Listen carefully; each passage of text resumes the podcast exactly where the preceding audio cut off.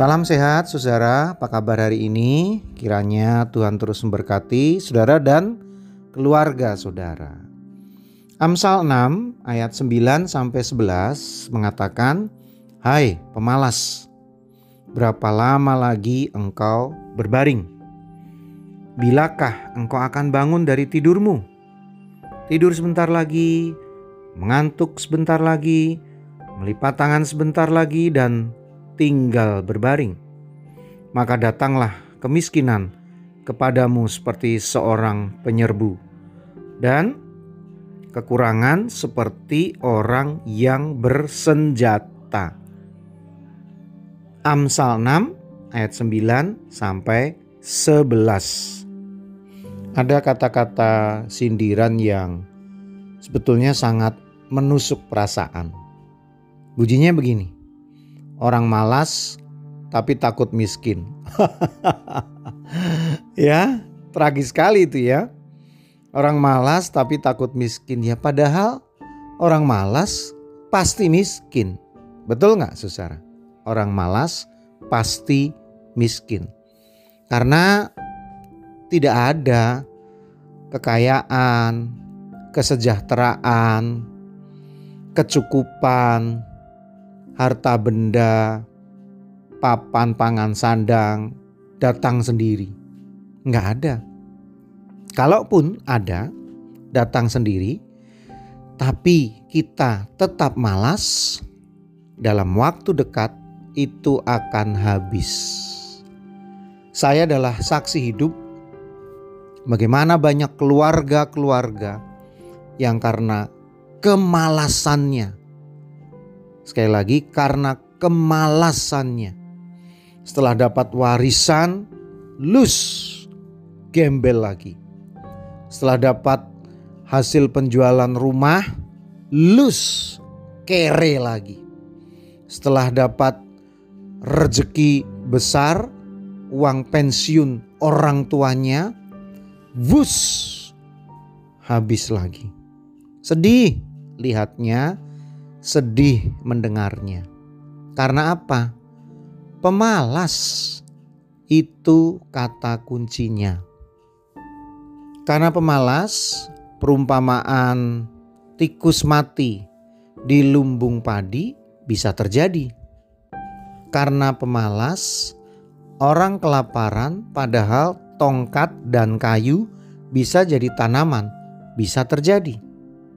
Karena pemalas, orang kehausan di pinggiran sungai yang bening dan bersih bisa terjadi. Intinya orang malas tidak menghasilkan apa-apa. Sehingga gagalah hidupnya. Karena kemalasan bahkan uang recehan pun tidak didapat. Dan yang paling berbahaya dari kemalasan adalah dia akan menemukan pembelanya. Pemalas itu akan menemukan pembelaan. Pemalas itu selalu punya jawaban atas kemalasannya. Seorang pemalas paling pandai membuat alasan. Dan itu seperti saudara kembar deh menurut saya. Pemalas itu pasti pandai bicara. Seorang pemalas pasti pinter ngeles. Itu pemalas-pemalas yang saya kenal.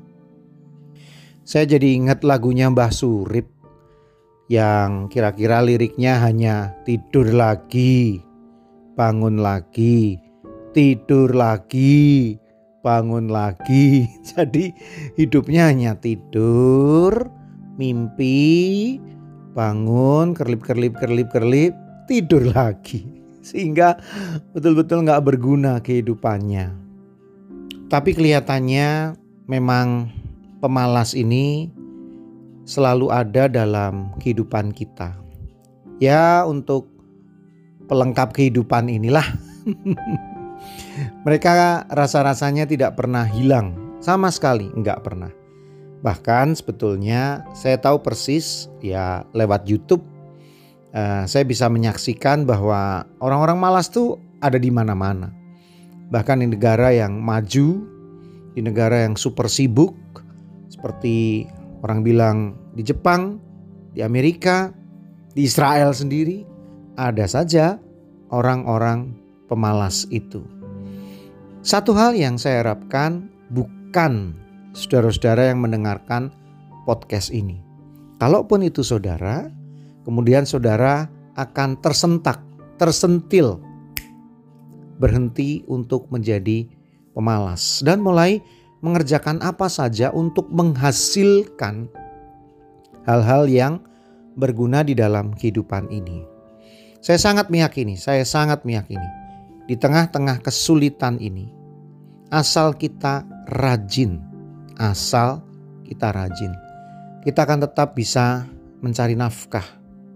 Ya, memang hasilnya tidak seperti yang kita harapkan yang tiba-tiba bisa sampai jutaan, tentu tidak. Tapi ketika kita rajin, terus kita seperti menaiki anak tangga Kisah sukses, kisah sukses selalu berawal dari rajinnya seseorang. Saudara ingin sukses? Saudara ingin berhasil dalam rumah tangga Anda? Sehingga percekcokan berhenti, kebutuhan anak-anak tercukupi, atau kalau Anda seorang pemuda, Anda bisa mulai punya gengsi untuk mencari pacar, ya kan? Ganteng kurang, kaya enggak, Anda bisa kerja keras untuk merubah itu semua. Dan bagi para ayah, para ibu, kerja keraslah untuk kehidupan rumah tanggamu. Mari kita merenungkannya. Bersama saya dengan Pendeta Yudi dalam renungan emas esok masih ada solusi.